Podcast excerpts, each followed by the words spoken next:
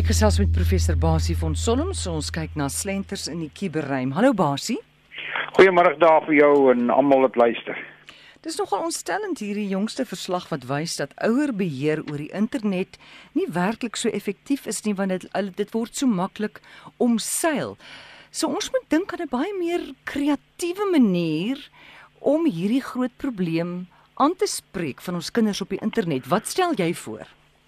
Ja, dit is waar wat jy sê. Ehm um, daar was 'n berig gewees, verskeie berigte dat dat die die beheer wat ouers ehm um, byvoorbeeld met met toepassing wil afforceer om om die kinders se toegang tot die internet te beheer of selfs aan met jou televisie, die DStv tipe ding wat ons in Suid-Afrika het dat dit nie baie effektief is nie en dat die kinders so gou so slim raak dat hulle daar rondom kom.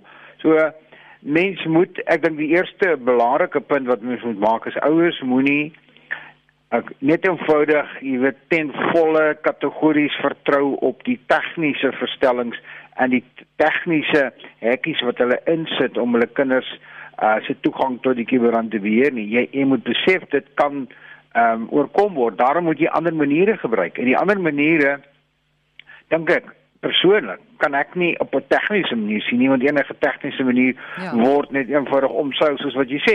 Dan moet 'n mens maar uh, jy weet daai verhouding weer eens ons gaan terug na al die jare toe jy weet dat die vertroue tussen die ouer en die kind en uh, hierdie kind kan vertrou dat dit is waarop ons maar weer moet teruggaan en mense sien so baie dinge wat nou terugkom na na die ouer manier van doen toe omdat die tegnologie net eenvoudig nie meer te vertrou is nie. So om jou vraag te antwoord, wat anders kan 'n mens doen? Mens moet maar oorspronklik gaan sit en gaan dink en met jou kind onderhandel en sê, eh, jy weet as jy hierdie goed gaan kraak en dit dan gaan verbykom, dan dan is dan gaan dit die gevolge wees, maar die die boodskap is, die boodskap is moenie omdat jy so 'n pakket of so 'n um, toepassing geïnstalleer het of omdat jy jou televisie op so 'n manier gekodeer het dat dit noodwendig die kind daar gaan weghou nie nee.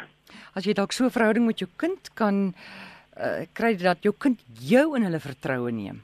Dat daar Hulle oop kanaal. Ek dink dis ideaal. Ja. Uiteraard, dit gaan met enige tipe ding so. Dit gaan nie net oor oor oor die kuberruim nie, dit gaan oor enigiets. As jy die as as jy en jou kind daai verhouding het, mm. dat hy met jou gaan gesels en jy met hom gaan gesels en julle ooreenkoms maak. Dit dis maar die ouer-kind verhouding. Ek is nie 'n sielkundige nie, ek is nie 'n opvoedkundige nie, maar uh dit werk, ons weet almal dit werk. Maar weer eens, tegnologie moet dit nie uh blindelings vertrou nie want ons weet nou, ons weet al lank al dit werk nie altyd nie. Ja. Wat is hierdie storie dat jou e-pos kan nou op die swart lys beland en hoe op dis aarde gebeur dit? Ja, dit is dit is 'n uh, uh, aspek wat luisteraars nou nogal oor navraag ook doen. Dat jy kry 'n e-pos wat sê jou uh, uh jou e-pos is op die swartlys of jou bankrekening is gesluit. Dis almal maar die tradisionele tipe slenters wat die wat die rotte gebruik om jou te probeer uitvang. Uh oomblik as jy sien jy kry 'n e-pos wat sê jammer, jou e-pos is nou geswartlys. Dit uh, uh jy moet jy moet dit en dit en dit doen. Teken aan na hierdie webwerf toe of klik op hierdie skakel of maak hierdie aanhangsel oop.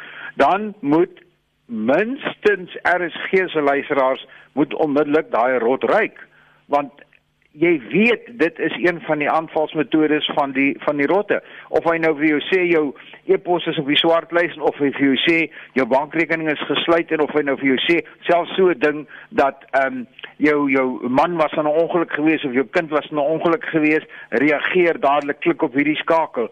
Mm. dink op jou voete. Dit is almal al hierdie goed is aanvalstegnieke wat die en en dit word baie wyd gerapporteer dat die meeste maniere waarop mense in die kuberruim uitgevang word nog altyd deur e-posse met vals boodskappe waarop jy dan in 'n panieksituasie reageer en klik op 'n skakel, hy vat jou na 'n vals webwerf toe of jy maak 'n aanhangsel oop om meer inligting te kry en uh Voilà, jou ja. rekenaar is geïnspekteer. Daar's 'n ander een wat loop wat sê die produk wat jy bestel het, hier is die afleweringsnota aangeheg aan die e-pos.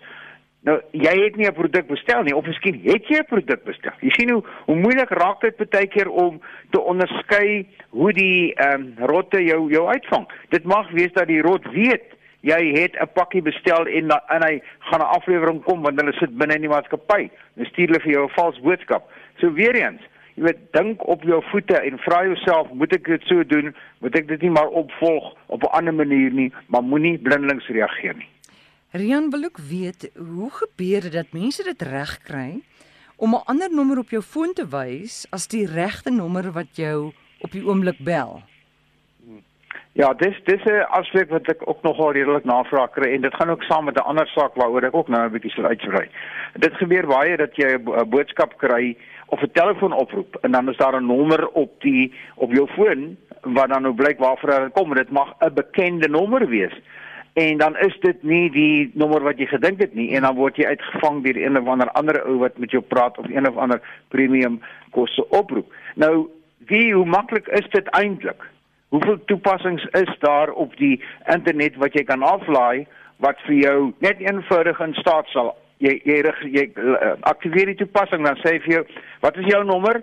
Watter nommer wil jy skakel en watter nommer wil jy hê moet op die selfoon verskyn? So eenvoudig soos dit. Mm. en dan kan hy ook nog vir jou die geleentheid gee die een wat ek spesifiek na gekyk het die toepassing. Kan hy ook vir jou sê wil jy klink soos 'n man of wil jy klink soos 'n vrou? Sjoe. Dan word jy maak 'n oproep na iemand toe jy gee 'n vals nommer wat gaan verskyn. Jy gee die nommer wat jy wil hê moet verskyn op sy foon en jy sê ook maar die stem wat ek in die wat die ou aan die ander kant van my moet hoor, hoe moet ek hom verander uh, soos wat hy is? En dit is 'n eenvoudige toepassing wat jy aflaai en daar's 'n hele verskeidenheid van hulle waarmee hierdie hierdie slenters afgeforceer word. En en en hoe hoe kom doen die mense dit? Baie keer Uh, uh, soveel mense sê vir my ek het hierdie nommer hierdie oproep gekry. Daar was 'n lang nommer op my selfoon en ek het die nommer teruggeskakel omdat hy net een of twee keer gelei het. Wees mm. baie versigtig daarvoor. Daai ding dat jou foon een of twee keer lei, daar verskyn 'n nommer op en jy bel terug. Mm. Moenie terugbel nie, want daai oproepe oor die algemeen is sogenaamde premium koste oproepe. Jy betaal sommer maklik R100 'n minuut want dis nou weer 'n rot wat met een of ander ander ding aan die gang is en hy wil net hê jy moet met hom praat. Daarom as jy daai nommer bel, gaan hy jou aan die gang probeer hou en jy betaal die ore van jou kop of elke minuut of elke sekond. Dis 'n baie bekende aanvalstegniek, maar weer eens, net soos wat jy vandag as jy 'n foto sien. En dis 'n ander saak wat vir my baie interessant is daai. As jy 'n foto sien, weet jy nie of dit 'n regte foto is of hy nagemaak is nie. As jy 'n oproep kry, moenie die nommer wat op jou foon verskyn vertrou noodwendig nie. Dit kan 'n vals nommer wees en is so maklik om dit te doen. As jy 'n oproep kry en hy lei een of twee keer en hy hou op, moenie daai nommer terugbel nie. Dit kan 'n oorseese nommer wees. Dit gaan jou groot klomp geld kos. Sit rustig. As dit 'n noodgeval is, dan gaan dit met 'n ander manier by jou uitkom. Maar moenie goedgelowig wees nie. Hierdie toepassing wat 'n mens kan aflaai wat dan jou stem van 'n vrou na 'n man se toe verander en wat 'n hele ander nommer wys. Sekerlik moet daar iemand wees wat dit reguleer. Dit ek meen dis mos net vir kwaad geld hierdie ding. Is daar nie iemand wat kyk dat sekere toepassings nie daar mag wees nie? nee. Eh, ons weet, ons weet dit nou ook al en en ek dink RSG se luisteraars is bewus daarvan. Dat die RS die die die, eh, die amper sê ek RSG, uh, die kiberruim word nie beheer nie. En jy weet ons het ons het reg gelede gepraat van van Google wat dan hulle hulle toepassings so 'n klomp uh uh kwadwillige uh, goed gekry. Die ouens laai daarin, hulle toets dit nie behoorlik nie.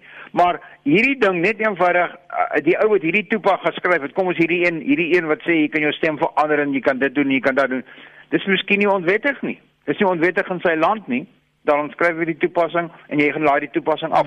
Wie daar's van my goed wat dan so goed is dat jy kan 'n ou uh wat 'n toespraak gee Jy kan 'n bekende persoon vat wat 'n toespraak gee, ehm um, lewendig of, of wat opgeneem is, dan kan jy sy woorde gaan verander dat hy ander goed sê as wat hy regtig gesê het. En dit word nou sommer skielik nou weer die waarheid en dit word die wêreld weer gestuur. So ons lewe in 'n tyd en ek dink dis dis miskien die kernboodskap van waaroor ons vandag gesels. Ons lewe in 'n tyd waar vals nuus, vals boodskappe, vals oproepe vals inligting, vals alles aan die orde van die dag is. Dit is nie meer uh, wetenskapskennis. Jy hoef nie 'n graad te hê om hierdie goed te kan namaak nie. En presies dit is wat jy nou uh, gesê het wat jy dink onwettig is. Dit gebeur, dit gebeur elke dag.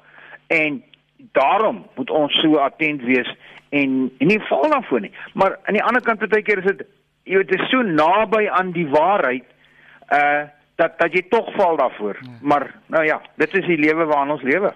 Ek kan nie glo hoe naïef mense is nie. Ek kry so gereeld oproepe van die aakligste nuus.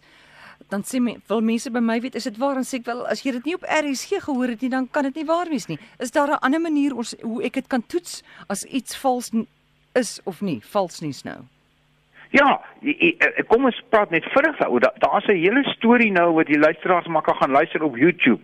'n Ou die naam van Dos en hy's bekend daarvoor dat hy die vreeslikste vals uh en en en iewe teorieë gaan bekendstel en dan dan van die mense dit is nie waar dat byvoorbeeld nou een wat hy gesê het wat ons al gehoor het wat hy sê dat Apple se foon is sodanig dat elke woord wat jy op jou selfoon sê op jou Apple foon word opgeneem. Dit kan ander mense kan dit hoor, dit kan die hele wêreld deurgestuur word ensovoorts ensovoorts. Dis vals nuus want dit is nie waar nie. Maar nou sien nou sien iemand dit en soos jy nou sê, hy is so naïef.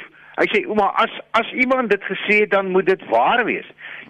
En wat het ons lankal gesê, hoe toets jy dit? Gaan kyk of daar ander boodskappe is wat dieselfde ding. As daar nou 'n boodskap as jy nou 'n uh, WhatsApp boodskap kry wat sê daar was 'n reuse ongeluk gewees in Bloemfontein.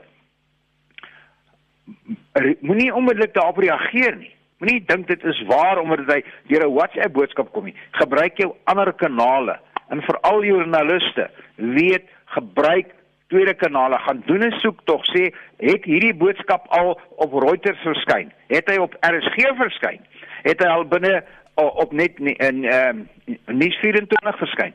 Dan dan korreleer jy maar jy is self verantwoordelik as die eindgebruiker om seker te maak of dit wat jy nou wil versprei wat vals nuus is. En onthou wat ons ook gesê het moenie net 'n vorige boodskap wat jy kry aanstuur nie. Ek dink dit is malligheid om net net vir 'n kry boodskap stuur hom vir 10 mense en jy stuur hom vir 10 mense. Daarom begin die sosiale netwerkmense nou ook al beheer uit hoe want jy kan nie 'n boodskap aanstuur aan meer as 10 mense of meer as 5 mense. Ek is nie eers seker nie. Presies om hierdie vals verspreiding van vals nuus so gou as moontlik of ten minste moontlik te maak. Hmm, ek hoor jou. Baie baie dankie. Ons praat weer volgende week. Alles van die beste. Groete vir julle almal. Hoor, mooi bly. Dis professor Basie van Solms en hy is verbonde by die Universiteit van Johannesburg by die sentrum van kubersekuriteit. Jy kan hom kontak by rsgbasie by gmail.com. www.facebook.com